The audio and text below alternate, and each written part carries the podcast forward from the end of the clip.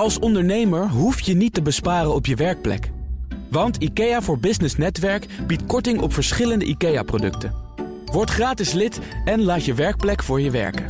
IKEA, een wereld aan ideeën. Het MKB krijgt 48 miljoen euro voor het opleiden van personeel. En de markt voor directe leningen groeit explosief. Dat en meer bespreken we in het ondernemerspanel. Bestaande uit Hans Biesheuvel, voorzitter van ONL, Ondernemend Nederland. Jurie van Alteren, eigenaar van Duurzaam Bedrijfsleven. En mijn zakenpartner van vandaag, Desiree van Bokstol, partner bij Carmijn Kapitaal. En we beginnen met een rondje eigen nieuws. Hans, jij mag aftrappen. Ja, mijn nieuws is dat uh, we hebben vorig jaar natuurlijk die AVG-wetgeving gekregen. Niet het meest spannende onderwerp, maar goed, het uh, speelt een enorme rol. Ik ga meteen naar Jury. Nee, ja. Maar goed, wij merken dat. Ja, toevallig las ik gisteren het FD nog dat, het, dat de gevolgen wel meevallen. Maar wij, wij merken, MKB-ondernemers worstelen er enorm mee.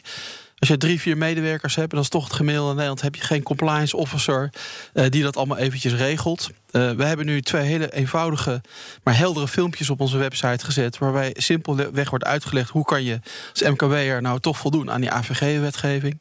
Mijn oproep is aan MKB'ers die mee worstelen kijk naar het filmpje en zorg dat je zaak op orde hebt. Want de autoriteit persoonsgegevens gaat strenger controleren. Maar is er al wat van te zien? Hebben we al controles gezien, boetes, et cetera? Nou, het begint nu wel een beetje. We krijgen er wel signalen over. Dus het is eigenlijk een oproep aan MKB'ers. Zorg dat je zaak op orde hebt. Uh, het is vaak heel eenvoudig. Maar, maar ze kan denken, je die ja, voorbeelden niet communiceren? Want dan gaat het misschien wat meer leven. Uh, doen we. Nou, in die twee filmpjes zijn heel simpel staan allerlei voorbeelden aangegeven. Dus als je er naar kijkt. Ja, maar ik bedoel echt voorbeelden van boetes. Van, van boetes. Nou ja. Noem mij mijn concurrent die de boete al heeft ge gehad, bij wijze van spreken. Ja, zonder naam. Maar uh, ja, dan, dan nou snap ik het. Ja. Dat, nou ja, ik ben, ik ben met de autoriteit in gesprek daarover. Want ik wil natuurlijk zorgen dat het voorkomen dat er allerlei boetes uitgedeeld worden. Hè? Ja. Nou, we zijn nu nog in de fase van een goed gesprek met elkaar. Maar je merkt wel, men is de touwtjes aan het aantrekken. Vandaar deze oproep. Worstel je ermee, los het op en wij helpen je erbij.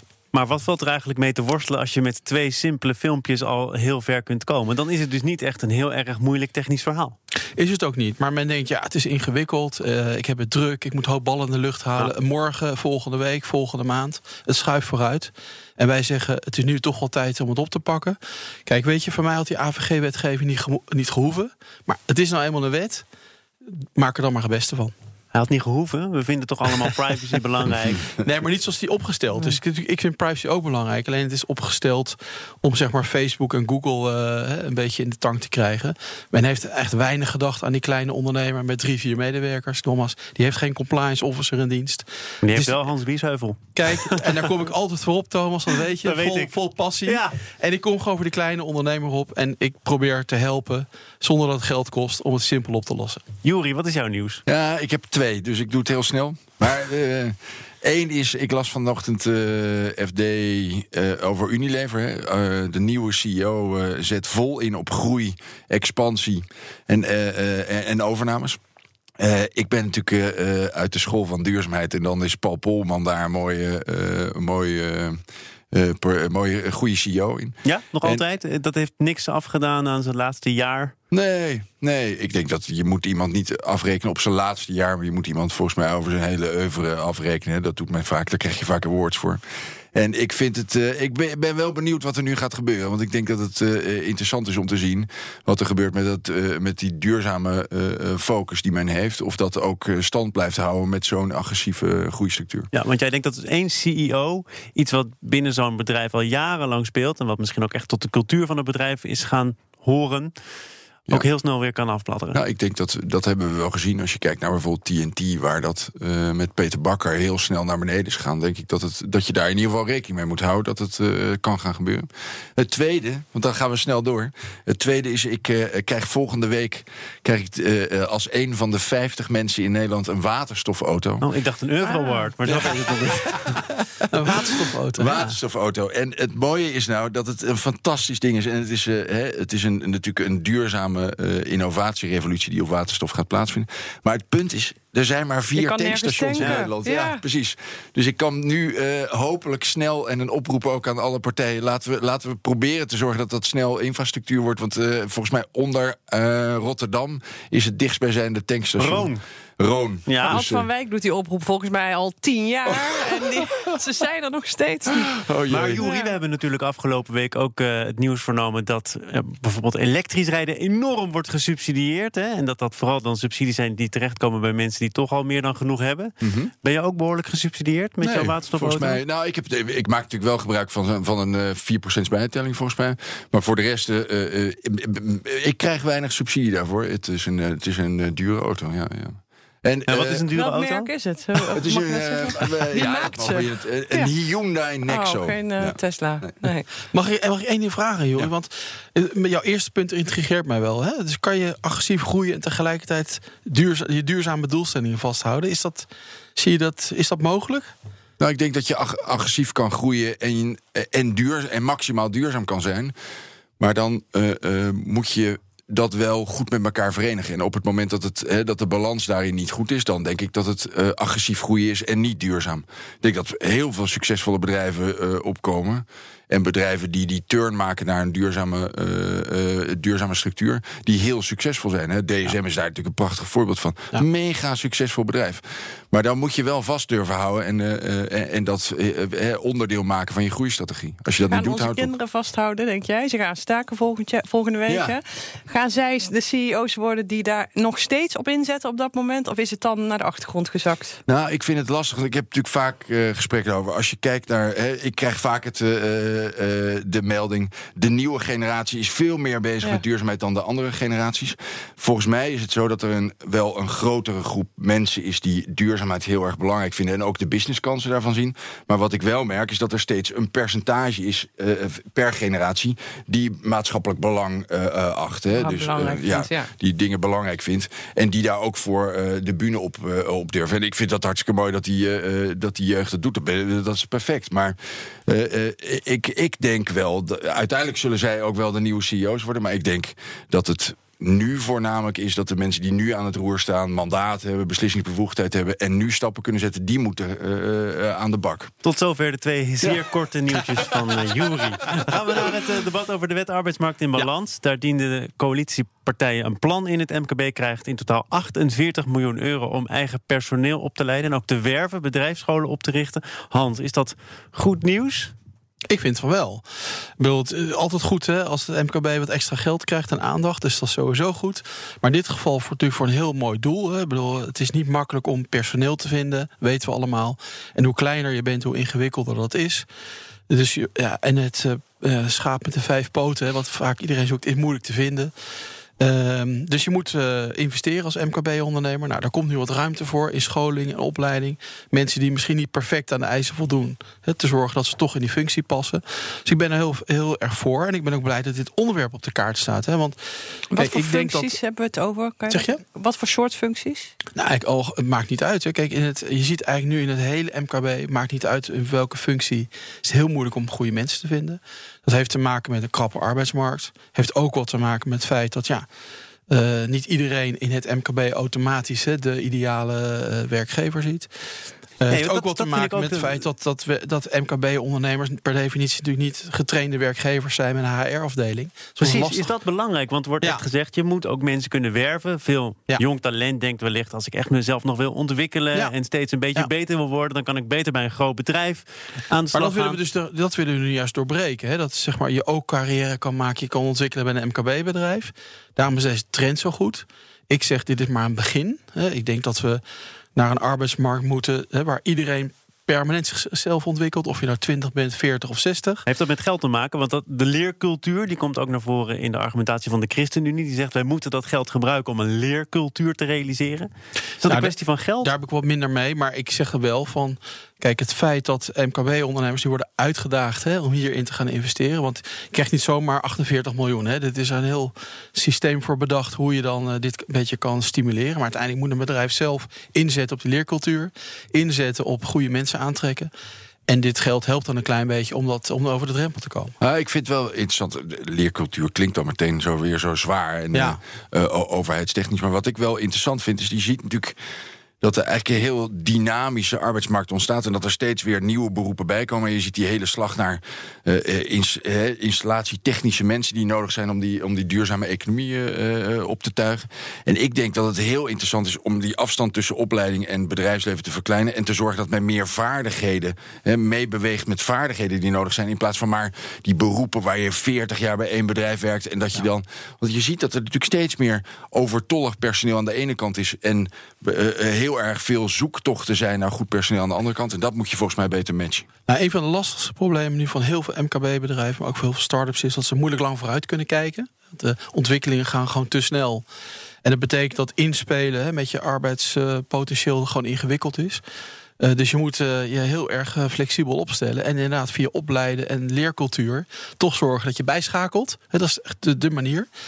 Uh, Zijn mensen niet ook bang omdat ze niet zo heel erg lang bij dezelfde werkgever blijven, dat ze mensen opleiden voor de concurrent of voor de ja. werkgever na? Maar die angst moeten we een beetje vanaf, denk ik. Hè. We hebben natuurlijk heel lang in die schotten gedacht. Hè. Je ziet een van mijn uh, uitdagingen, vind ik nog steeds. Hè. We hebben al die O&O-fondsen waar ontzettend veel geld in zit. Uh, van werkgevers en werknemers samen. Maar dat geld zit vooral in die O&O-fondsen vaak. Uh, en als je dan bijvoorbeeld in de bouw zit en je wil een metaal... dan kan je dat geld niet meenemen. Ik zou zeggen, iedereen zijn eigen potje. Hè? Uh, en zorg dat je, dat, dat je veel makkelijker mensen van de ene sector... of van de ene beroep naar het andere beroep kan helpen. En dan komen er miljarden vrij werkelijk. En in combinatie met de signalen die nu gegeven worden... lijkt me dat aanzet voor een hele andere arbeidsmarkt. Mensen luisteren met veel interesse. Onder andere een twitteraar die zegt... een waterstofauto met weinig subsidie. Ik ga mijn advies de volgende keer ergens anders halen. dus die gelooft niet dat jij daar uh, weinig uh, ondersteuning bij hebt gevonden. Maar we gaan praten over direct lending. Daarbij worden bedrijven direct gefinancierd door een institutionele belegger. Uh, groeit explosief, dus zonder tussenkomst van een bank. Desiree, jij bent ook investeerder natuurlijk. Ja. Hoe kijk je naar die ontwikkeling? Ja, nou ja, dan zal het je verbazen dat ik het toch een goede ontwikkeling vind overal. Want um, je moet kijken naar ondernemers die hiermee gefinancierd worden, maar ook naar investeerders. Dus wie, wie steekt zijn geld hierin? En ik denk dat ondernemers hierbij gebaat zijn, want we hebben echt een probleem in Nederland met financiering. We hebben investeringsmaatschappijen zoals ik zelf, maar dan ben je aandelen voor een deel kwijt. En we hebben nog drie banken over als je een MKB'er bent. En daarvan zegt de ene bank vaak al: nee, jouw branche vind ik niet interessant of ik kan nu geen risico's nemen. En dan heb je er nog één. En verder is er niks. Ja. Dus ik denk dat het heel goed is dat er meerdere financieringsinstrumenten zijn. Het is een keuze uit armoede. Je moet wel. Nou, weet ik niet of je wel moet. Ik denk dat, kijk, financieren is natuurlijk, uh, ja, dat is de economie weten dan, hè, dat is eigenlijk moet je natuurlijk lang met lang financieren, kort met kort, et cetera. En nu moeten we doen wat we kunnen krijgen. Dus het, ik denk dat het heel goed is dat een ondernemer veel beter gaat nadenken over wat financier ik nou met welk soort um, financieringsinstrument. En ja, ik ben er erg voor hoor. Kijk, je, bedoel, kijk, toegang tot financiering is toch een beetje olie in de raderen van de economie. Nou, vroeger rennen we allemaal als een blind paard naar de bank. Nou, dat gebeurt niet meer. Heeft ook geen zin meer, want het loket is meestal dicht. Verslaafd aan bankkredieten werd ook wel gezegd. Ja, nou ja, dat woord zou ik niet willen gebruiken. Maar goed, ik ben het heel erg met jou, eh, met Desiree eens. Van, ja, je hebt natuurlijk verschillende vormen van uh, uh, financiering die bij verschillende doelen van je bedrijf passen. En misschien dat een bankaire financiering meer bij je voorraadhoudende functie past. Maar als je wil investeren in innovatie, heb je meer aan, aan een, een langlopende lening, bijvoorbeeld van een investeerder. Dus dat landschap is gevarieerd en ondernemers zijn creatief daarna aan het kijken. is alleen maar goed voor de economie. Wat alleen lastig blijft, is van hoe vind je als ondernemer je weg hè, in al die mogelijkheden. Want er is nog niet echt een natuurlijke marktplaats waar ondernemers en al die financieringsmogelijkheden elkaar vinden. Dat is dat het enige probleem? Of is een ander probleem ook dat deze schaduwbanken minder te maken hebben met regelgeving, wat minder gereguleerd zijn, dus dat er misschien ook een hoger risico aan zit? Nou, dat geloof ik niet. Kijk, weet je, niemand geeft geld zomaar uit. Dus iedereen kijkt toch kritisch van waar investeer ik in. Je weet ongetwijfeld dat ik voorzitter van de Raad van Commissaris van MPEX ben. Nou, dat is een, ook weer een vorm van hè, geld ophalen bij particuliere beleggers. MKB-beurs. Ja, MKB-beurs. Maar goed, wij maken keurig een prospectus. We doen een due diligence. We gaan niet zomaar hè, eh, beleggers om geld vragen. Uiteindelijk is het een afweging. Spreekt een sector je aan? Spreekt een bedrijf je aan? Hè? Hoe manage zo'n bedrijf de verwachtingen? Maar dat dat landschap veel gevarieerder is, daar ben ik alleen maar heel blij mee. Ja, deze ja. zie jij wel risico's? Ja, ik zie wel ook wel. Je moet als ondernemer denk ik wel heel goed je huiswerk doen en je goed laten adviseren en vooral ook juridisch laten adviseren. Ik denk dat de zorgplicht voor, die we zo, voor banken zo hard hebben bevochten, die is hier natuurlijk toch heel anders en uh, die is er misschien wel niet zelfs. Um, dus ja, ik zou me wel enorm goed verdiepen in alle alles onder het gras, convenanten die je afspreekt, et cetera, et cetera. Ja. Maar zorgplicht, inderdaad, deze haalt het uh, lijkt me toch terecht aan. Daar hebben we hard voor gevochten. Dat was ook niet zomaar uit de lucht komen vallen. Hè. We weten ook wat er kan gebeuren als het misgaat. Zou je dan toch ook niet dat speelveld wat gelijker moeten trekken... en ook die direct eh, landing aan regels moeten binden? Ja, maar er zijn regels. Hè. Kijk, we hebben als MPEX eh, vallen we onder toezicht van de AVM en de DNB. We hebben een MTF-vergunning. Dus dat, hè, dat, is, is maar een voorbeeld natuurlijk. Hè. Er zijn veel meer partijen in de markt. Maar ik ben het mee eens, gelijk speelveld is altijd het beste. Hè. We moeten wel zorgen dat het natuurlijk uiteindelijk ook aantrekkelijk blijft voor mensen om hun geld in, zeker ook in het MKB, in de start-ups te stoppen. Maar Want eh nog eens, het loket van de bank is dicht. Dus we hebben wel behoefte aan, eh, hè, aan meer particulier eh, kapitaal. En ik denk ook een MKB-ondernemer is, eh, die neemt zijn eigen beslissingen. Dus daar waar hij zijn geld leent, moet hij zorgvuldig eh, eh, vooronderzoek doen. Ja. Een MKB-ondernemer is niet bij gebaat om nog meer regelgeving op allerlei mogelijke vlakken eh, door te voeren. Dus eh, eh, een laten we zorgvuldig Nee, eh, Die is er ook niet bij gebaat als het uiteindelijk op drijfstand gebaseerd blijkt te zijn. Absoluut. Maar daar moet, je, eh, daar moet je goede beslissingen nemen. Dat Ja. doe je niet over één. eh, eh, veel, veel ondernemers weten al niet eens wanneer de bank het krediet op kan zeggen. Hè? Laat staan dat ze dat van dit soort partijen weten. Dus ik denk wel dat er. Het zou wel goed zijn dat ondernemers zich wel heel goed verdiepen in de regeltjes. Ja. Dan gaan we toch van eh, de waterstofauto in het begin naar de CO2-heffing voor de industrie. Nu in dit panel, want er hebben onder andere 71 economen voor gepleit. Zeldzaam eensgezind voor economen. Eh, wil dat ook maar meteen zeggen dat dit dan een juiste prikkel is, Jury? Nou, kijk, als je deze. eh, ik ben hier natuurlijk de 24-7 mee bezig. Als je deze weg bewandelt waarbij je met elkaar ellenlange eh, gesprekken gaat voeren. en allerlei tafels gaat vormgeven om tot een akkoord te komen. dan weet je dat het een level playing field is waarbij niks. Hè, daar komt, het, is, het toch. Er is niks vooruitstrevends wat daaruit komt. Op het moment dat je nu zover bent waar je zo'n potentieel akkoord op tafel hebt dan vind ik, dan is het enige wat nu nodig is, is een beslissing durven nemen. Dat kan re- rechtsaf, dat kan linksaf. Maar je moet een keer een beslissing durven nemen als politiek, waar je over je eigen schaduw heen regeert en zegt: dit is wat we gaan doen. Dat kan een CO2-heffing zijn, dat kan van alles nog wat zijn, maar je moet nu een beslissing nemen. Dat is het was, is belangrijkste. dit een goede maatregel? Ik vind dit wel een goede maatregel. Ja. Eh, ja, nou, ik ook wel. Als je, als je het in de juiste samenhang doet. Hè. Kijk, het probleem is alleen dat het wordt nu heel erg eh, ja, politiek bekeken. Hè, met verkiezingen op het oog. En eh, nog een keer verkiezingen in, in, in het voorjaar. Nou, juist voor die Europa. economen willen het waarschijnlijk uit het politieke vaarwater Nou, halen. daar ben ik ook voor. Kijk, ik zou zeggen, trek het inderdaad uit die politiek en zorg dat hè, eh, maar zeggen, het het bedrijfsleven en eh, maatschappelijke organisaties samen eh, een goede agenda voor de energietransitie van Nederland maakt. En laat die politiek het faciliteren. We hebben het nu een beetje omgedraaid. En je ziet met één zetel meerderheid en nogmaals slechte peilingen dat men niet over die schaduw heen gaat stappen. Daar ben ik echt van overtuigd. Te ingewikkeld. En het lastige is, en ik heb eh, nou ja, de afgelopen weken veel gesproken met eh, ook de fractieleiders in de Tweede Kamer. Dat ze hebben met Prinsjesdag natuurlijk be- beloofd. Iedereen gaat er eindelijk op vooruit. Maar ja, die energietransitie, hoe je het went of verkeerd, gaat geld kosten. Ja, en waar gaan we de rekening neerleggen? En dat is natuurlijk een hele ingewikkelde boodschap. Die wil niemand voor verkiezingen nemen. Laten we kijken of dit kabinet de verkiezingen hè, overleeft, zeg maar, waar, straks. zou jij, waar zou jij Maar- die rekening leggen? Want daar gaat het toch om? Wie Nou, betaalt hier nou? moet- De industrie of de burger? Nou ja, je moet eerlijk, burger en industrie. eh, Je kan niet zeggen de een eh, of de ander. We moeten allemaal daarvoor gaan betalen of investeren, hoe je het maar noemt. Heren, even, laten Ja. we het even Heren, scheiden van elkaar. Deze komt nog zo deze? Sorry, maar even Nee, deze heren. Het, wa- waar het om gaat is de rekening presenteren. Het gaat erom, ben je bereid om te investeren in bepaalde elementen... die ervoor zorgen dat je minder milieu-impact maakt? Ja? Dat betekent, als je duurzaam ondernemer vergelijkt... met een innovatierevolutie wat het is... dan betekent dat, dat, je, dat, dat dus dat je met kennis van zaken investeringen doet... en dan vervolgens op termijn je eh, een aantrekkelijker, onderscheidender... en concurrerender bedrijf wordt. Dat is hetgeen waar het hier om gaat. Op het moment dat je vervolgens zegt, ik voer een heffing in... wat in principe een goede mogelijkheid is... hè, je kan zeggen, ik stimuleer iets of ik voer een heffing in... dat zijn twee mogelijkheden. Als je een heffing invoert, komt de focus te liggen... op het innoveren en het Ja. doen van investeringen... in het terugdringen van CO2-uitstoot. Nou, en dat is in- exact topman punt in. Oh, maar Jullie, ja, maar, ja, maar mijn probleem is een beetje dat ik ben het met je eens. Alleen die, die visie, hè, die, die, dat toekomstbeeld ontbreekt. Het is niemand. Dat beeld wat jij nu schetst, daar is, denk iedere Nederlander het over eens. Alleen de vraag, daar, gaat het niet over in Den Haag. Daar gaat in Den Haag alleen maar over wel of geen CO2-heffing.